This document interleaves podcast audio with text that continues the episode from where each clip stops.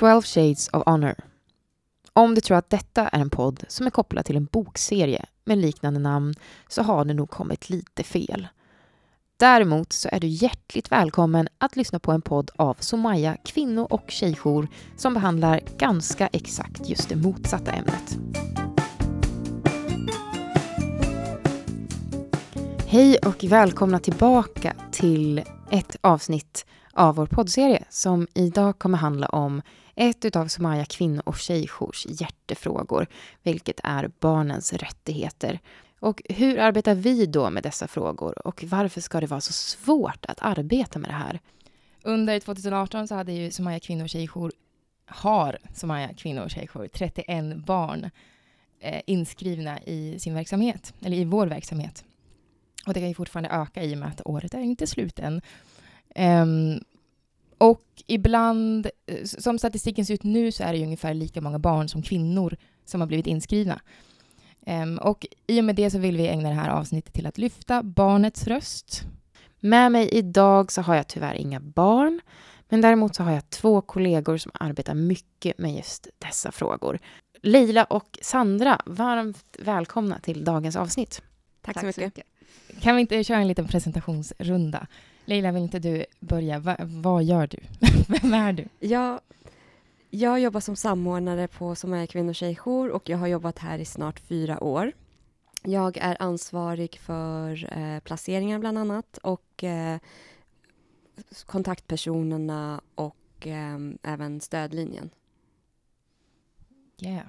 Sandra? Sandra, jag har jobbat här i snart tre år och jag jobbar som ledare och pedagog in i vår barnverksamhet i Mans hjärta. Kan inte du berätta lite om Imans hjärta?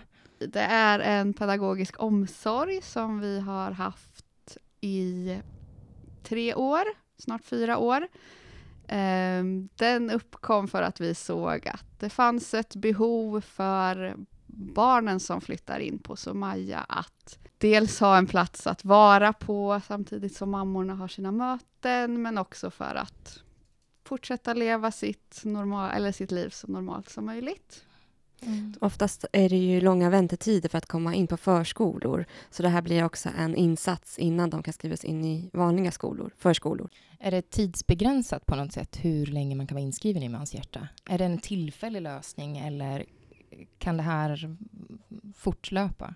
Hur länge? Um, på ett sätt är det en tillfällig lösning, för de, de flesta barnen går hos oss så länge som de är boende på Somaya. Men det är inte så att platsen avslutas när de flyttar. De får fortsätta gå. Men mm, förhoppningen är ju att de ska börja en traditionell förskola när de flyttar härifrån. Mm. Hur många barn kan ni ha inskrivna? Eh, vi har plats för åtta barn och vi är två pedagoger som arbetar med dem och vi följer traditionella riktlinjer. Vi har öppet halv sju till halv sju. Det är den tiden vi erbjuder varje dag.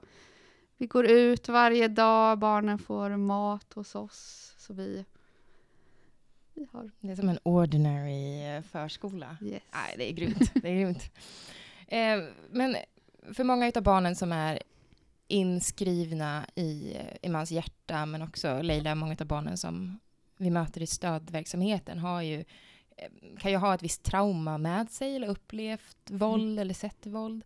Finns det några, kan man se några utmärkande drag för barn som har upplevt våld? Eh, absolut. Eh, nu har jag ju hunnit träffat ganska många barn och ser väldigt många liknande mönster hos alla barnen. De är väldigt vuxna i sättet när de kommer till oss. Väldigt överbeskyddande mot sina mammor. De har svårt att leka. Um, det är så generellt som det ser ut när de flyttar in. Många kan vara utåtagerande. Mm. De kan ha ganska gränslöst beteende. Många vet svårt att veta vilka vuxna de kan lita på. Antingen så litar de på alla. De kan gå fram till vem som helst när vi är ute i lekparkerna eller till oss i personalen. Eller så är de jättefästa och svårt att lita på någon vuxen. De har jättesvårt att släppa sin mamma. Mm. Jo, men vi på Somaya har ju valt att arbeta väldigt aktivt med ett barnfokus och vi ser att när mammorna och barnen skrivs in så har ju mamman behov av att gå på polisförhör, det är advokatmöten, plats eller forum där barn inte ska delta. Och därför så, det är också en anledning till att Imans hjärta startade, för att alla barn är välkomna in dit för att få vila från eh, det som de har varit med om och Mm. som mamman har ett behov av att få bearbeta i fred också, eller utan barnet.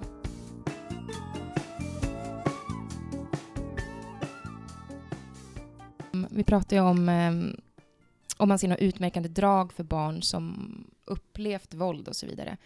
Är det lätt, upplever ni att det, finns, att det lätt görs en generalisering för barn? Att okej, men det här barnet har varit närvarande när en förälder har blivit, eller till exempel blivit misshandlad. Upplever ni att det finns en tendens där okej, Okej, för att backa. För, eh, symptomen för om man har ett trauma som barn kan likna väldigt mycket eh, till exempel autism. Har jag, har jag förstått det Ja. korrekt? Eh, har ni, ni som har arbetat här betydligt längre än vad jag har, har ni märkt av att den missen oftast görs? Eh, att barn blir diagnostiserade, även fast inte det är fallet, eller vice versa. Ja, jag har i alla fall erfarenhet av att eh, jag har varit på läkarbesök med, med barn och att de har fått en diagnos. Eh, och då har man bortsett ifrån att de har varit eh, utsatta för våld av något slag. Att de har varit vittnen till våld eller fått uppleva våld av något slag. Både jag och mamman påtalade att, att barnet hade fått uppleva mycket grovt våld, men det togs inte i akt, utan de det var bara en läkare som reagerade på det och sa att det kan ha autismliknande drag. Traumarelaterade symptom kan ha autismliknande drag, men att um, man valde ändå att diagnostisera barnet. Ja, men det känns sorgligt att se att man så snabbt väljer diagnoserna ADHD och autism, främst för de här barnen, fast det oftast beror på deras trauma och det de har upplevt. Jag har också erfarenhet av att ja, men jag, också kan, tro- eller jag kan också tro det när barnen flyttar in, att de har autism, för att trauma och autism har så många liknande mm, drag hos barnen. Men sen ju längre de är hos oss och får leka och bearbeta så försvinner ju de dragen. Mm. Jag kan också se att, som ni har jobbat i förskola förut, så kan också, om jag skulle möta de här barnen där, så skulle jag nog också tänka autism och ADHD snabbt. Ser ni att det finns mycket hinder eller vissa behov som uppkommer i arbetet med barn som har upplevt våld i nära relationer? Ja, men det är ju att barnen generellt glöms bort ofta. Det är svårt att få tid hos BUP för de här barnen. Det kan vara svårt att få läkarbesök, men främst BUP är svårt att få komma till. Ja, BUP anser att så länge barnen bor på skyddade boenden eller på kvinnojourer så anses det inte vara en eh, stabil miljö. Och de vill vänta med att erbjuda någon form av behandling tills barnen och mamman har flyttat till egna lägenheter. Men det blir problematiskt i de fall när vi har barn och kvinnor som bor hos oss länge. Vi har ibland fall där de kan bo hos oss i upp till två år.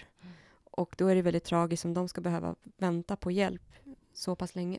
Ja, för att situationen är ju alltid väldigt oviss hos oss. Mm. Alltså, för tanken är ju att men ett skyddat boende det är ju ett tillfälligt boende. Men sen är det ju omständigheter som gör att det kan, det kan ta väldigt lång tid. Och jag kan ju ranta på här en evighet gällande BUP eftersom vi hade väldigt nyligen ett, ett möte med en mamma och hennes son på BUP och fick just exakt samma bemötande där. Att jag hade kontaktat dem för att sonen har varit med om väldigt mycket traumatiska händelser, särskilt på senare tid, men också tidigare i livet. Och jag, kan, jag har känt väldigt oro över honom. Och kontaktade BUP, fick ändå tid för en första bedömning. Um, och allting, hela samtalet kretsade kring sk- hans skolgång, eh, hur det gick för honom i skolan. Eh, och ja, absolut, han har precis bytt skola, för han har fått lov att byta ort. Eh, men de menar att det var en eh, icke-stabil, eller det var en ostabil faktor.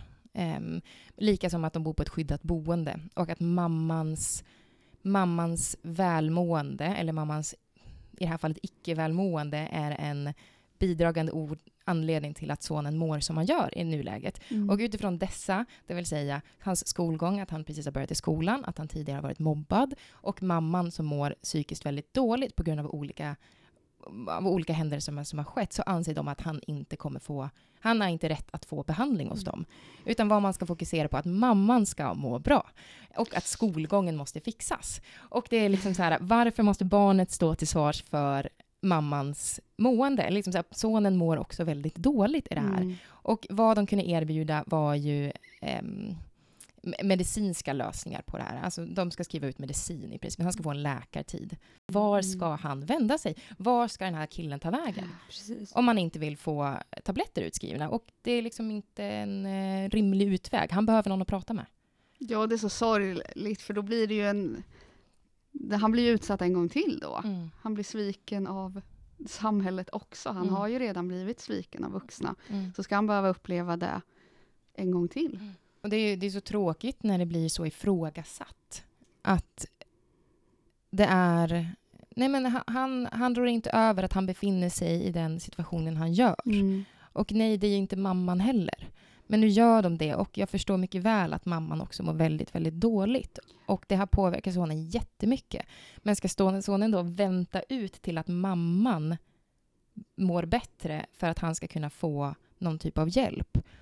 Och jag menar på när jag pratar med dem att ja, nej men eh, allting hänger på att de bor på ett skyddat boende. Och jag menar på att omständigheterna gör just nu att de bor här. Mm. De kanske bor här i några veckor till, någon vecka till, men det kan också vara ett år till. Allting beror på hur hot- hotbilden ser ut och vad, hur saker och ting utvecklas. Ska han vänta ut det också? Det är så mycket väntan gång Mm. på gång för att han ska få den eh, hjälpen han har rätt till. Precis, istället för att köra, sätta igång parallellprocesser. Att Mm. erbjuda mamman stöd samtidigt som barnet får stöd.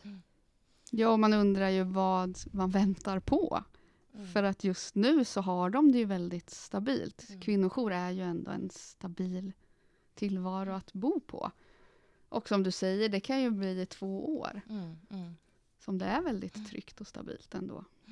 Ja, men precis. Att, visst att det är tillfälligt, men den här trygg, alltså säkerhet, säkerheten som de har när de bor hos oss är ju en trygghet i sig för dem. Så även om de flyttar härifrån så kommer de, de kommer ju inte ha den säkerheten som finns här. Möjligtvis om, ja, hänger ni med Mm. i mitt resonemang? Ja. främst, främst att de, är, de har flyttat bort från våldet. Ja, jag har också hört de argumenten för andra barn hos oss där man vill vänta på att de ska bo i ett eget boende. Men då känns det som att man fokuserar på den vuxna, att det är den vuxna som ska ha det tryggt då. Men för barnet är ju det här väldigt, kanske den tryggaste tiden i dens liv. Man vet ju inte vad som väntar när de flyttar ifrån oss. Ja, och sen så som bostadssituationen ser ut just nu, eller bostadskrisen i landet, så är det inte heller någon garanti att de kommer till eget boende direkt efter ett skyddat boende. De kan ju hamna på vandrarhem eller hot- hotellhem och vara där ett tag innan eh, de hittar eget boende. Och då blir det en ytterligare fördröjd process. Men precis, den här, det, alltså det kan ju ta år innan då den här, den här killen som jag var med kan få den hjälpen som han behöver. Mm. Och jag vill inte ha ansvaret att veta var han befinner sig om några år om han inte får hjälpen idag. Precis. Eh, och vill någon ha det ansvaret? Alltså så här, han behöver ju prata med någon. Mm. Hur svårt ska det vara? Men eh, hur jobbar eh, vi på Somaya just med barn? För som sagt, när vi får en inskrivning så är det ju oftast en kvin- kvinna. Kvinnan har oftast ett, ibland flera barn. Eh, Ja. Och eh, i många fall så anses ju barn vara ett bihang som följer med mamman till en kvinnojour. Men vi på Somaya gör ett aktivt val för att se barnen som egna placeringar och de får en egen kontaktperson som följer upp deras ärenden och eh, de har en egen dokumentationsprofil som vi dokumenterar i. Just det, och det är, inget, det är inte självklart att man ska göra på det sättet. Nej, inte i dagsläget, men eh, det kommer eventuellt bli ett krav längre fram. Det finns ju också ytterligare en, en, eh, ett en problem som ofta eh, dyker upp just när kvinnor kommer med sina barn hit. Och det är just gällande vårdnad. Mm. Vårdnadsfrågan. Huruvida kvinnor redan har ensam vårdnad eller om det är delad vårdnad. Vårdnadstvisten som det oftast brukar bli eh, gällande. Har, har ni erfarenheter av det? Ja, eh, många gånger så påbörjas eh, vårdnadstvisterna medan kvinnorna, kvinnorna och barnen bor på våra skyddade boenden. Och vi har som regel att inte tillåta något form av umgänge med, med pappan så länge kvinnan och barnet är placerat på våra skyddade boenden. Även om det skulle finnas ett beslut från socialtjänsten eller från tingsrätten så påtalar vi att vi har som regel att inte tillåta det om det ska bli något form av umgänge så kommer det få ske när de har flyttat från våra skyddande boenden. För att vi kan inte garantera säkerheten och sen så i många fall är barnet inte redo för att träffa den andra föräldern. Och eh, i många fall så har de fått uppleva våldet själva och har sett hur pappan har slagit mamman och då är det alldeles för tidigt eller överhuvudtaget inte lämpligt alls att de har någon form av kontakt med föräldern. Och att eh, det som brukar ske är att man i många fall ser till pappans rätt till att träffa barnet istället för att tänka på barnets bästa. Att barnet ska ha rätt att träffa föräldrarna. Mm. Eh, och det här gäller ju självklart om det är omvända roller, om det är mamman som är förövare och, och barnet är placerat med sin pappa på skyddat boende. Så länge det finns en delad vårdnad för ett barn så blir ju saker och ting väldigt, väldigt svårt på en gång. Särskilt om man jobbar som kontaktperson Mm. em, och ska se till barnets bästa, men det finns en delad vårdnad. Precis. Det är allt från att skriva in ett barn på en ny skola, skriva ut barnet från en skola. Återigen det här BUP, rantandet om BUP-mötet jag Mm. hade, så hade han, har han bara rätt till en träff. Eh, eftersom det är delad vårdnad så måste de informera eh, den andra vårdnadshavaren om detta. Så det krävs, man kan gå runt det i viss, i viss mån genom att skriva intyg Mm. från socialtjänsten och så vidare, men allting byggs ju fortfarande upp kring den här gemensamma vårdnaden, vilket absolut är en trygghet i sig, men det är ju tungarbetat. Ja, och sen är det ju befängt att eh, den andra vårdnadshavaren som är förövare i många fall ska behöva ta ställning till vilken skola barnet ska behöva gå i när barnet befinner sig på ett skyddat boende med, skyddade, med skyddad adress. Ja, jag märker ju också hinder i vår barnverksamhet när vi skriver in barn hos oss. Att, för då kontaktar jag ju hemkommunen för att få betalt för platsen och vissa nekar därför att de ser ju att det finns två vårdnadshavare och då måste de ha ett godkännande från pappan eller i vissa fall mamman.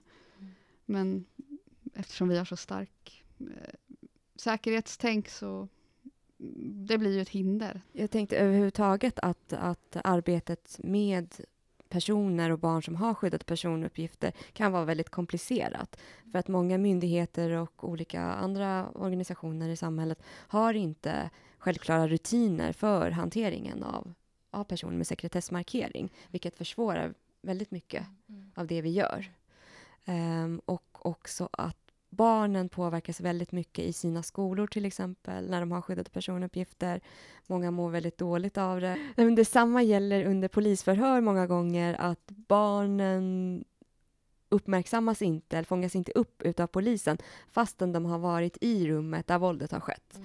Och eh, när om, om målet går vidare till tingsrätten så fångas det ju inte upp för det finns inget underlag för det. Om inte barnet fångas upp redan under förundersökningen så kommer ju den historien inte följa med när det blir rättegång.